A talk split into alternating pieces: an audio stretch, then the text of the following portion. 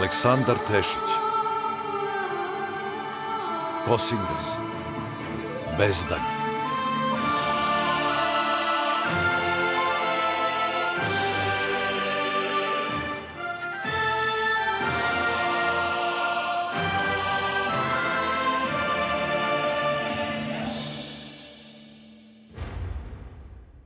Epizoda sedma Trebište Sreda, 29. jul, leta gospodnjeg, 6896. Više od puna dva dana putova smo do sela Devče pod Nodevice. Otkad smo krenuli iz Belog brda, Čentavri je bio nevoljan i neobično čutljiv. Čentavri bi onako nisu pričljivi, ali znam kad je Derom uznemiren i kad mu nešto nije po volji. Ni meni do duše ne beše drago što smo krenuli put device, ali njemu bi posebno teško. Možda je on, kao i ja, predosećao da je na pomolu neka nevolja, ali kad te nabujala reka nosi nemaš kud, nego joj se prepustiti. Beše mi ga žao, jer je od prvog dana bez reči krenuo sa nama, a da ga nismo morali ni pitati. Želeo sam da ga oslobodim te dužnosti. Možda ti ne bi trebalo da ideš nama, Derome. Bolje da nas i ovoga puta sačekaš negde dok se ne vratimo. Zašto? Hoćete svu slavu za sebe da prisvojite? Što da ne? Vi čentavri ste slavni po svojim predsima i ne treba vam veći ugled. A mi ljudi se moramo izboriti za nju. Da i nas po nečemu pamte. Nas čentavre je sve manje. I ne bi bilo zgoreg da se sad jedan pročuje po junačkim delima i hrabrosti. Nekad su nas ljudi poštovali zbog neustrašivosti, a sada smo za njih samo lovina. Možda je opet vreme za staru slavu. Kako ti je volja, učitelju? Samo znaj da ti ne bismo zamerili ako bi odlučio da nas ovde sačekaš u povratku. A šta ako se ne vratite? Zar da se posle priča kako je derom od rodopa napustio prijatelje u najgorem času? Od sramote bih umro. Samo hoću da kažem... Ne govori mi ništa osim kad smisliš kako ćemo saseći onog zloduha. Pred selo stigo smo pre podneva trećeg dana u sredu, obhrvani i prašnjavi. Derom reče da će nas čekati i posmatrati ispri krajka. Čekat će naš znak. Celim putem nikoga nismo sreli, kao da se pročulo za vojnovu nesreću, pa su se svi razbežali da i njih nešto ne potkači. Boga mi, ume nesreća da pređe s jednog na drugog kao neka bolesnost. Pametni su ljudi što se klone drugih u nedaći. Ako već ne možeš pomoći, bar svoju glavu spasi. Ali ovde u devčima priča beše sasvim drugačija nagore. Selo malo, siromašno, a kuće se zbile jedna uz drugu kao da je i njih strah od nečega što ih gleda s vrha device. Ljudi se ne kloniše u nesrećenoga, već se postaraše da ga gurnu u još veću nesreću. U selu nas dočekaše i ljudi i žene, pa svi u glas viču i raspravljaju se. Radite ljudi, Tražimo vojnu! Tađavola i vi i vojnu! Lobijte se iz našeg sela! Lakše se malo, ljudi, ne bacajte kamenje. Neko može da nas prati. Šta se desilo? Vojn je izabran, nek, nek vodi svog potara na trebištu. Tako je starac odlučio, šta mi tu može? Prvi mačići se u vodu bacaju. Što onda svi ne pobacate svoje prvorođene sinove u vodu? Još jednom pitam, gde su Vojn i Bogdan? Oterali smo ih sad. Nemoćni Svoje domove ne možemo napustiti. Ma svi bi nastradali. Pa vam je lakše da žrtvujete tuđe dete. Ošli su pre dva sata na trebište. Idite za njima ako morate, ali ovamo se ne vraćate. Sve vas treba zaobići u širokolu. luku. Ajmo opet da se ne predomišljamo. Derom nam se pridruži, pa nastavi smo zajedno. Do vrha Device ima tri sata ta vrljanja pa nas je tešilo da ćemo stići za dana. Nisam uopšte brinuo da li ćemo stići Vojina i Bogdana ili ne. Znao sam da će zloduh čekati da se mi pojavimo pre no što uzme Bogdana za žrtvu. U ostalom, ovo je sve bio mamac da nas prisili da ga potražimo. Dobro utaban kolski put blago je krivu dao i stremio ka vrhu. Tavrljali smo čutke, zabrinuti i neodlučni kako se suprotstaviti takvom zloduhu na otvorenom. On zna da dolazimo. U prednosti je. Moramo ga na mestu ubiti. Ali kako? Bude li u ljudskom obličju, možda ga možemo preduhitriti. Ipak smo nas trojica. Bude li svoj, nećemo moći ništa da uradimo. Može nas pokositi ovde u šumi na sred puta da ni ne znamo šta nas je snašlo. Moramo se odmah razdvojiti. Nastavimo li zajedno, lakše će nas ubiti. Da se razdvojimo, da ga udarimo sa tri strane. Ne. Ti, Marko, ne smeš sam. Ako ti se nešto desi, neću sebi oprostiti. Moj zadatak je da te sačuvam dok ne uspostavi znamenije. Nego će samo derom da se odvoji. Ti znaš ovu planinu i umeš da se čuvaš. Znaš i gde je trebište. On će nas čekati tamo. Želeće da prolije našu krv po svom žrtveniku. To mu daje moć. Neće nas napasti ovde. Zato, Derome, moraš prići s druge strane i iznenaditi ga. Precizno gađaj svojim strelom. Možda ga ne ubiješ, ali ćemo mi imati više vremena da ga zaskočimo kurjakom ili zmajatom. S koje strane da mu Ne želim da znam. Tako ni on neće pratiti moj pogled ako te traži. Sam odluči. Ali budi precizan. Samo nam ti možeš pomoći da ga savladamo.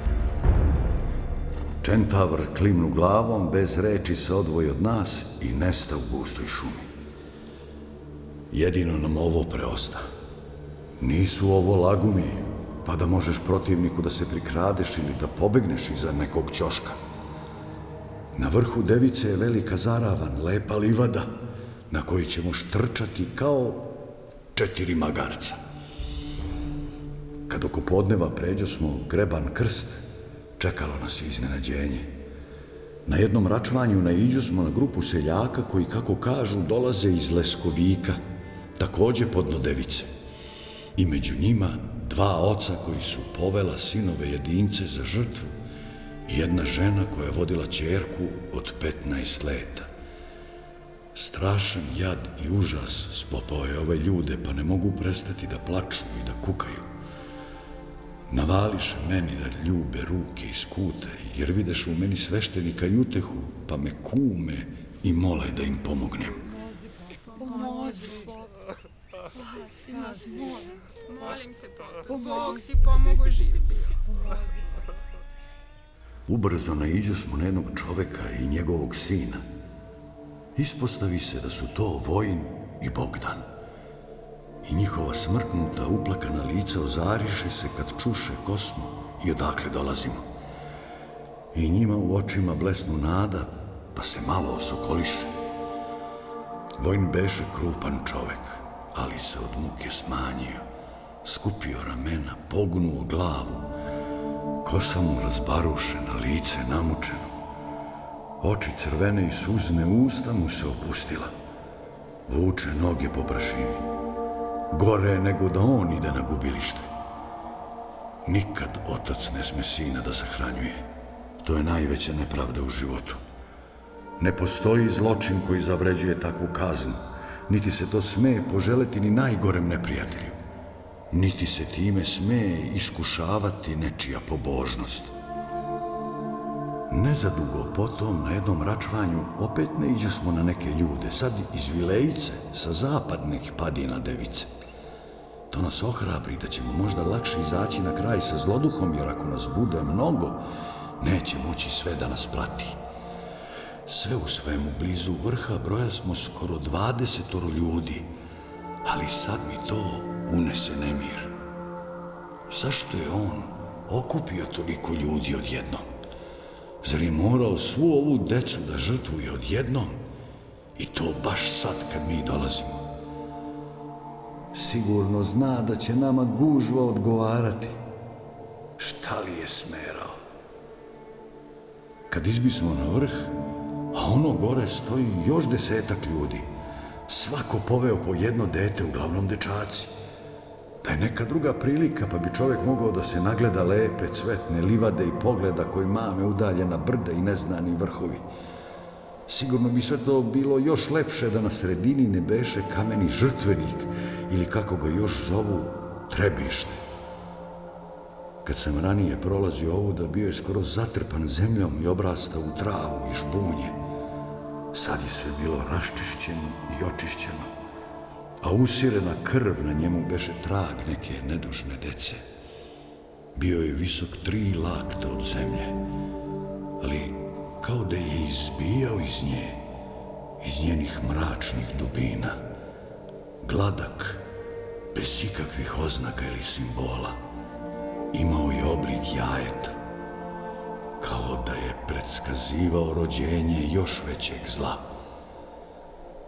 Ubrzo se izgubi sva nakrasa prirode i osta samo ta krvava kamena ploča, kao nešto neprirodno što štrči iz zemlje Na drugom kraju livade mogli su da se vide ostenjaci, a u njima oblici devojaka s korpicama.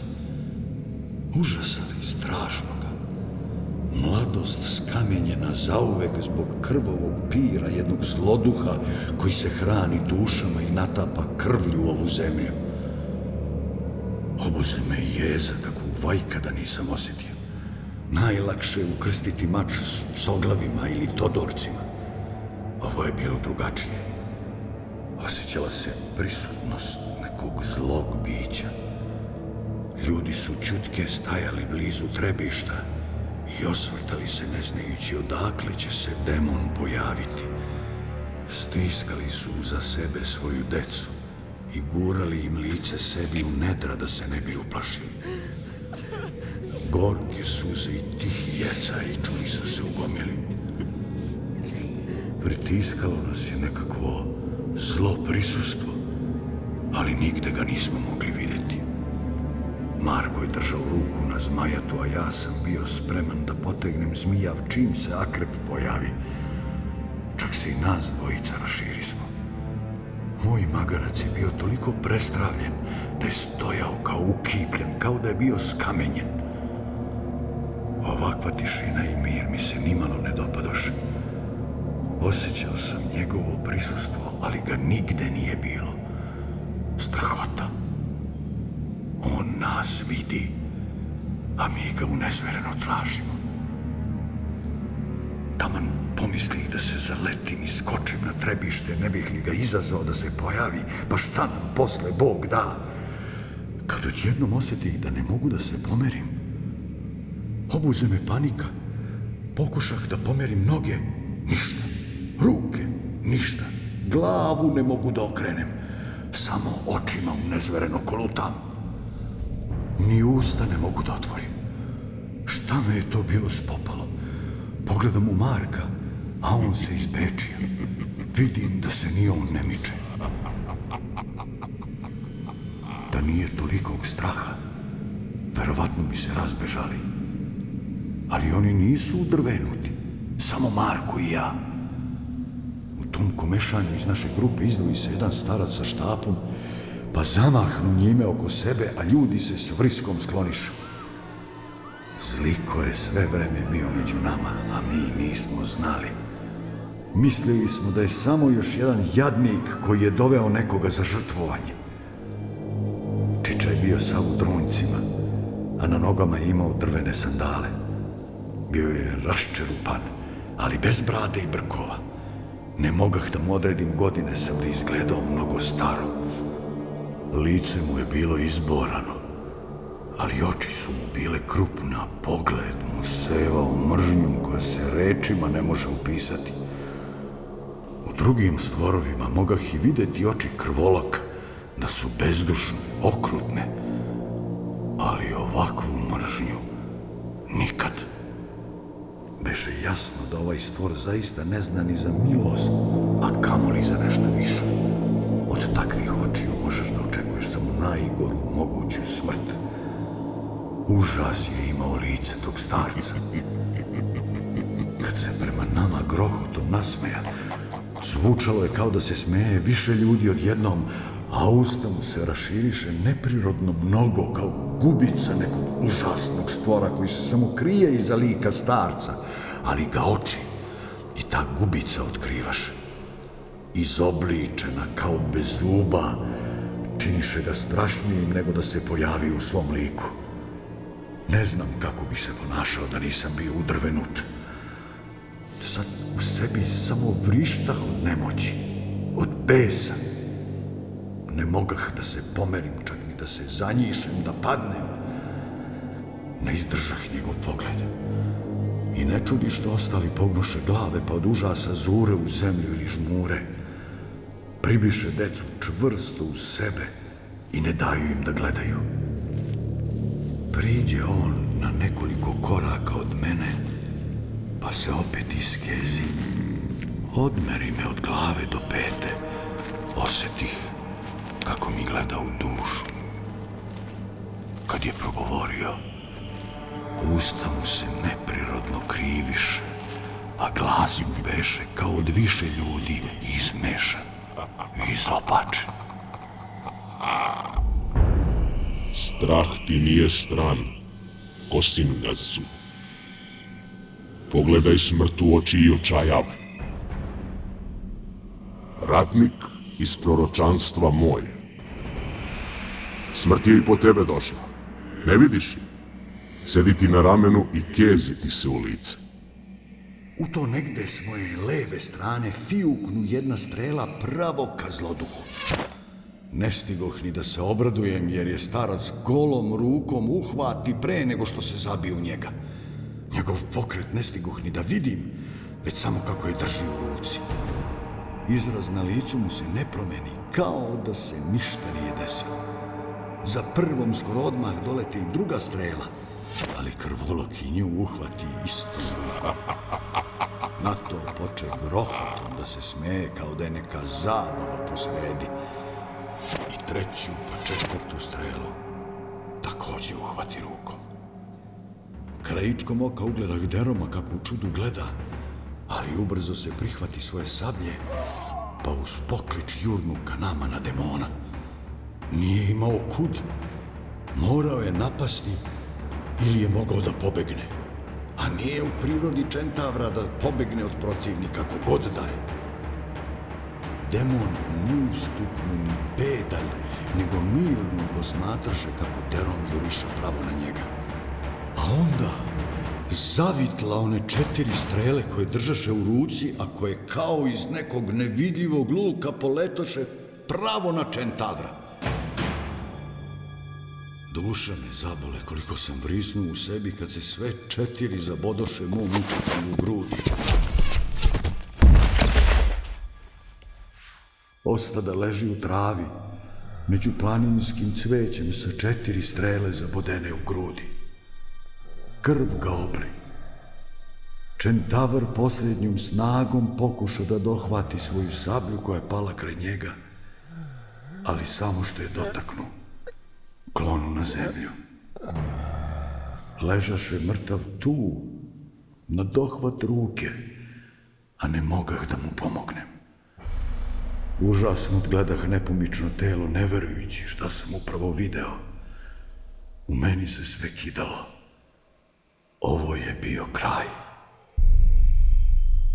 Ono što očekujem ne može da me iznenadi. Njegovu krv ću proliti po mom kamenu i on će se još više uzdići iz zemlje. I tako sve dok ne bude para oblake. Više ne osjećah strah, već samo bes. Ustupno užas izbi iz mene prezir. Sigurno zakrvavih očima, jer demon reče... Kosim nas, u besu kipti. Sad vidim kakav si. Da. Okrenu se u mene, pa kao pravi starac blago pognut napred stade da se šete između prestrašenih ljudi. Hodaše polako, naslanjavši se na svoj štap poglednuje svoje žrtve.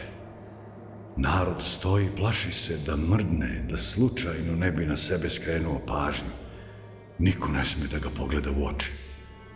Pognute glave drhte od užasa. Hiljadu godina slušam isti šapat, gde god da hodim. Hiljadu godina slušam isti šapat među ljudima koji mi dovode svoje na žrtvu. Hiljadu godina slušam isti šapat u vetru. Hiljadu godina slušam isto među raznim narodima. Samo čujem... Kosingas. Kad dođe do jedne devojke koju je majka prestrašeno držala u zagrljaju, on blago dotaknu njenu kosu. Imao je dugačke, krive prste. Čeljade se strese a majka je još čvršće privijuza se i zajeca, ali ne smede da, da otvori oči. Moj kamen je žedan krvi čednih. Najviše me ljuti kad na mom kamenu kojeg ima posvuda vidim urezanog usamljenog jahača. Ti smrtnici se čak drznu da na mom kamenu urežu Kosingasa. Hmm. mislih da će ratnik iz proročanstva biti neustrašiv. A ono, on, običan smrtnik koji žali što više neće videti ženu i sina. Ha. Ti ih nećeš videti, ratniče. A možda ja hoću. Da i njima uzmem duše. u jednom trenutku podiže svoj štap i uperi ga u jednog čoveka koji je bio došao sa svojim sinom. Ovaj vrisnu u trenutku kad oseti da je udrvljen. Onda zaneme. Samo kovitlaše očima u užasu. Jedna žena koja stajaše blizu brzo dohvati njegovog sina i skloni ga od oca. Gledajte, smrt. Na naše oči čovek poče da se skamenjuje od nogu pa naviše. Polako se sve pretvaralo u ostenjak i pritom je krckalo. Samo se u očima čoveka mogao videti nepojmljiv bol. Kako je zloduh pomerao štap nagore, tako se sve pretvaralo u kamen. Kad je došao do glave, jadnik je već bio mrtav. Možda i od straha. Izbezumljeno i nemoćno gledah užase koji se dešavaju oko mene, a ne mogu misli da usredsredim ni na jednu stvar. Sve je zbrkano i žurno. Ne vidim izlaz. Ne znam šta mogu činiti. Eto, ratniče iz proročanstva video si. A sad ćeš i ti tako skončati. A Kosinga se ću rasporiti na mom kamenu. Verujete li u vašeg Boga? Pa neka vas on sad izbavi.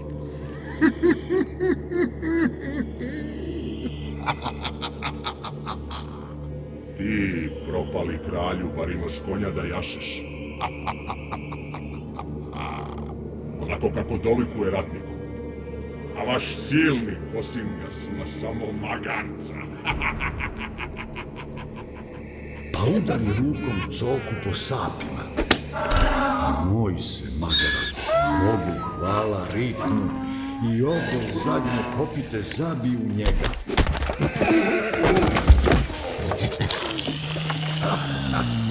Demon polete i pade ničice nekoliko koraka ispred mene.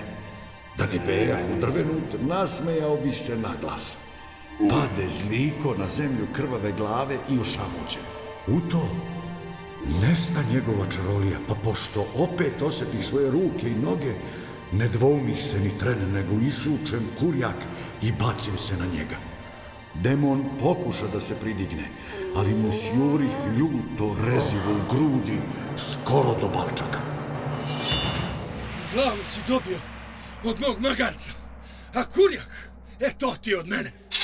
Odstupih nekoliko koraka za svaki slučaj. Sa takvim se nikad ne zna.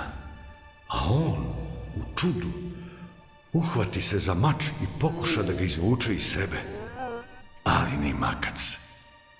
Možda je pomislio da je to neki običan mač koji mu ne može ništa. Ali kad mu pogleda dršku i vilinsko rezivo koje viriše iz njega, prepozna u njemu mač koju krado gospodaru Hromom Dabi Usta mu se razjapiše u grozan grč i zaorla iz hiljadu grla toliko da se zemlja zatrese. Narod u strahu poklopi uši, a ja ga zadovoljno gledah kako umire u jezivom ropcu, kao da se hiljade duša koje je odneo vratilo samo da bi raskomadali njegovu. Lice mu se izobliči, Oči prevrnuše, a od nogu stade kamen da se širi po njemu. Za tili čas sve beše gotovo. Pred nama stajaše ostenjak Devin, lice užasa. Iz njega je virio moj kurjak. Taman pomislih kako da ga izvučem iz kamena.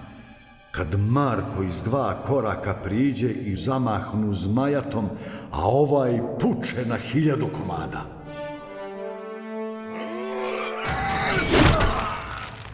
Ovo ti od propalog kralja! Ni to mu ne beše dovoljno, nego stade nogom gadljivo da razbacuje kamenje kao da se plaši da se ovaj opet ne sastavi. Ljudi čim ih prođe čuđenje, jer se sve na jednom desilo, pohitaše kao Marko da razbacuju kamenje svuda naokolo. Neki su ga bacali što su dalje mogli. Ubrzo ljude obuze radost, pa se u smeh i skakanje stadoše grliti i ljubiti. Okružiše mene i Marka i obasuše nas svakakvim pohvalama. Ljubiše nam ruke i skute i milovaše nam kosu i lice. Suze radosnice im se slivaše iz lica dok su se krstili i zahvaljivali Bogu na pomoći. Neki boga mi počeše da grle i coku, a ponajviše deca. A moj magarac sigurno misli kako, ali ga nesreća sad spopade kad su svi skočili na njega. Nadao sam se da se neće neko setiti da ga iz milošte udari po sapima. Marko skide mešinu s vinom sa šarca i otpi nekoliko dobrih gutljaja pre nego što je dade seljacima. Svi se radovaše što se ova nevolja dobro okonča. A kad Mešina opet završi u Markovim rukama, Šarac ga stade njuškom gurkati i čupkati. A da ne bi ti vina, vidim žedan si, ali ne mogu te napojiti. Da Na, nalij se. Gore si od mene bak suze. Pa sebi u ruku sipade malo, a konj umesto da ustukne, on stade da srče vino. Nema ko se tome ne nasmeja, a posebno deca.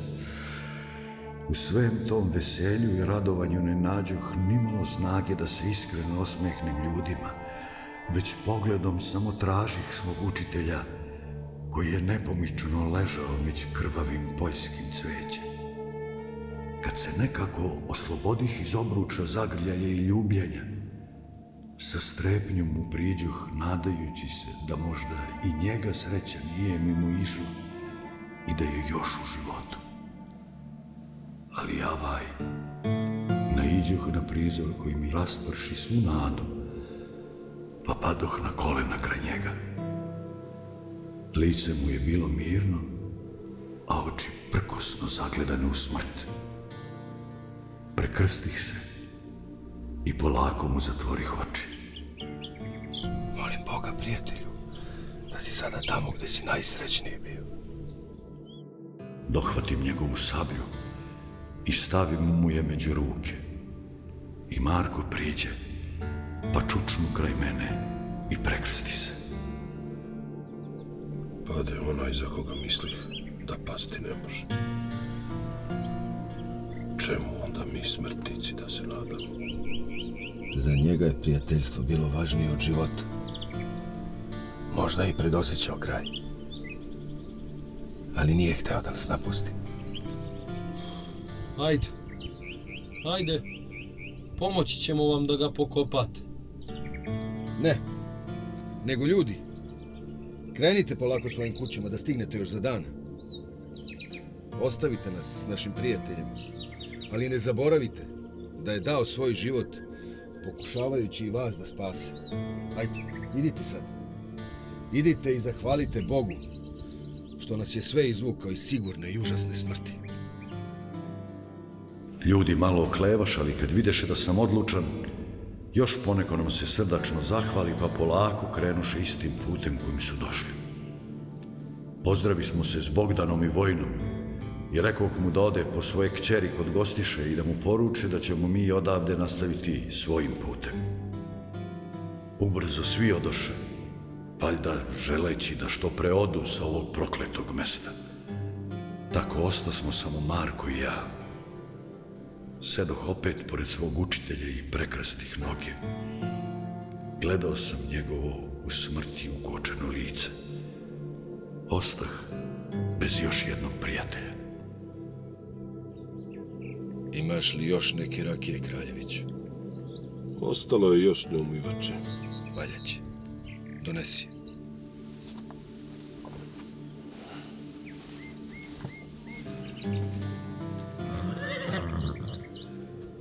Nisi ni mogao da se ugledaš na magarca pa da se i ti ritneš. Nego si stao da vučeš uzde. Hoćeš ruku da mi iščupaš, ne bi li pobegao sa planine. Uči malo od coke. Jednog dana ćeš morati i ti meni da pomažeš.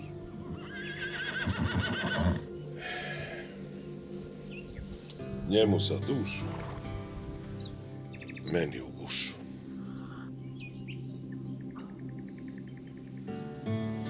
Hoćemo li ga sahraniti? Čentavri se ne sahranjuju. Vidiš kako mu iz uvoja kad cvetaju zelene listove. Kao one šumske majke. Skrano se, Marko, pa ne trepće dok gleda kako sitno lišće niče iz deromove kose ubrzo primeti smo kako se pojavljuje i na vrhovima njegovih prstiju. Preno što zađe sunce, sav će obrasti u lišće. Iz daleka će ličiti na nekakav žbun, do zore. Prekriće ga i mahovina. I više neće biti oko vidljiv. Zbog toga se čentavri ne sahranjuju. Oni su deo šume i sad ih šuma uzima natrag. Ima nečeg lepog u tome. Ima. Ima. Ne treba zaboraviti. Sedeli smo čutke i ispijali rakiju. Poželek da se napijem, ali znam da ne smem. Moram ostati trezan i na oprezu. Znam da nas oko jake oči sad gledaju iz šume. Ovo beše još jedan bol koji ću nositi na duši. U sumrak odluči smo da prenoćemo na ovom mestu, ne bismo li zaštitili deroma od grabljivica, bar dok potpuno ne obraste u mahovinu i lišće. Zato nedaleko od njega založi smo vatru i raširi smo naše ponjeve. Srećom dok smo sakupljali drva za vatru, Marko nalete na jedan mali žubora. Da ne ugazi u njega, ostao bi neprimećen. Beše dovoljno da se coka i šarac napoje i da mi napunimo mešinu za vodu. Kad se na kraju svi namirismo, posjeda smo oko vatre da žvaćemo ostatke iz jastrbine. Jedemo na silu, iako nismo gladni. Hrana će nam se pokvariti i šteta da se baci. Malo pomalo, pa pogledam u pravcu deroma koji ležaše na obodu svetlosti naše vatre. Bio je već ceo obrastao lišće i skoro da se više nije video. Samo mu je sablja još svetlucala na vatri. Kao njeni poslednji izdisaj. Steglo mi se grlo, pa ne mogu ni pljuvačku da progutam, a kamoli zalogaj do ujutru neće ostati ni traga od njega, kao da nije postojao, sem za nas. Ja ću ga uvek pamtiti. Vidi Marko da me tuga propisno stegla, pa reče onako, dobronamerno. Ako će ti biti lakše, pa ti se slobodno isplači, nije sramota. Rado bih se isplakao Kraljeviću, isto kao što bih se rado naspavao da mogu. Ali od moje kletve niti spavati mogu, niti suze roniti, makoliko mi se duša cepala. Jes, tako je. Ne znam zašto, ali ni suzu ne mogu pustiti. Valjda sam presušio dok sam bio u adu.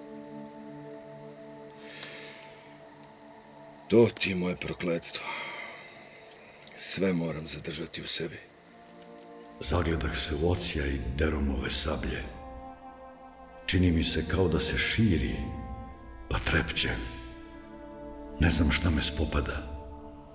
Osetih kako iz dubine duše i mog sećanja dolazi nekakvo jako osjećanje i obuzima me celog. Ne mogu da odvojim pogled od nje. U sebi samo ponavljam – uskoro će zgasnuti taj plamen i više ga nikad neću videti. Zledi po telu me zaboleše i uhvatih se za grudni koš. Imam osjećaj da su se opet otvorile i da je krv potekla. usta su mi suva, a miris dima zameni zadah truleži. Dah ada je bio na meni. Morat ćemo od sada da se klonimo nasilja. Za sobom ostavljamo dug krvav trag Kraljeviću. Nedužni ljudi stradaju zbog nas. Marko ne reče ništa, nego samo klimu glavom. Vidi da sam u pravu. Koliko se sećam, nismo mnogo pričali te noći. Ni Marko nije dolazio san na oči, pa je celu noć presedao sa mnom. Kad je zora konačno počela da rudi, on reče.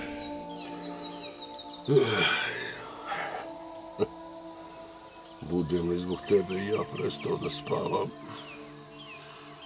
teško tebi popeo.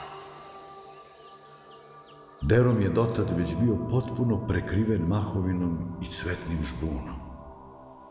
Ni traga od hrabrog čentavra i njegove strašne sablje.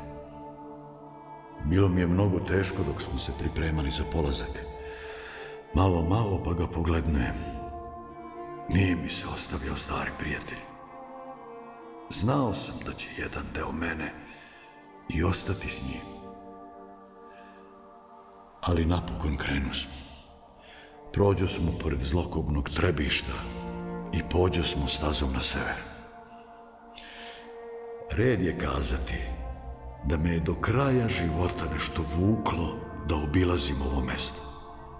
Kad god bi me put nave u ovom pravcu, nije mi bilo teško da se uspnem na devicu i obiđe mesto na kome je devrom počivao, ali i mrsko trebište. Naime, kad sam ga nekoliko leta kasnije prvi put sam posetio, Coka više nije bio sa mnom, ali sam na kamenu našao da je neko urezao mog magarca. Ha!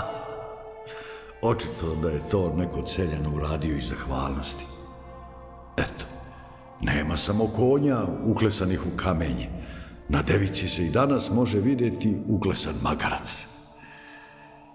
Sreća moja što ni jednom gore nikog ne sretoh, jer bi se taj sigurno čudio što li ovaj čovek plače.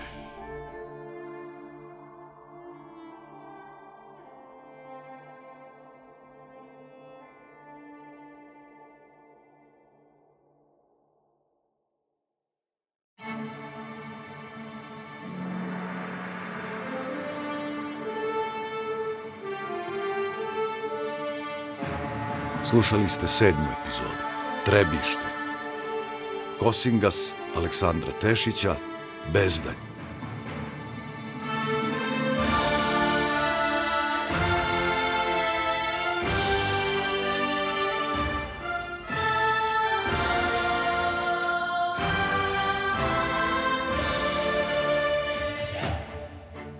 Uloge su tumačili Radoje Čupić, Dejan Šarković, Ljubiša Milišić, Stefan Juanin, Marko Savković, Aleksandra Pleskonjić, Sanja Mikitišin, Jugoslav Krajinov, Grigorije Jakišić, Nenad Pećinar,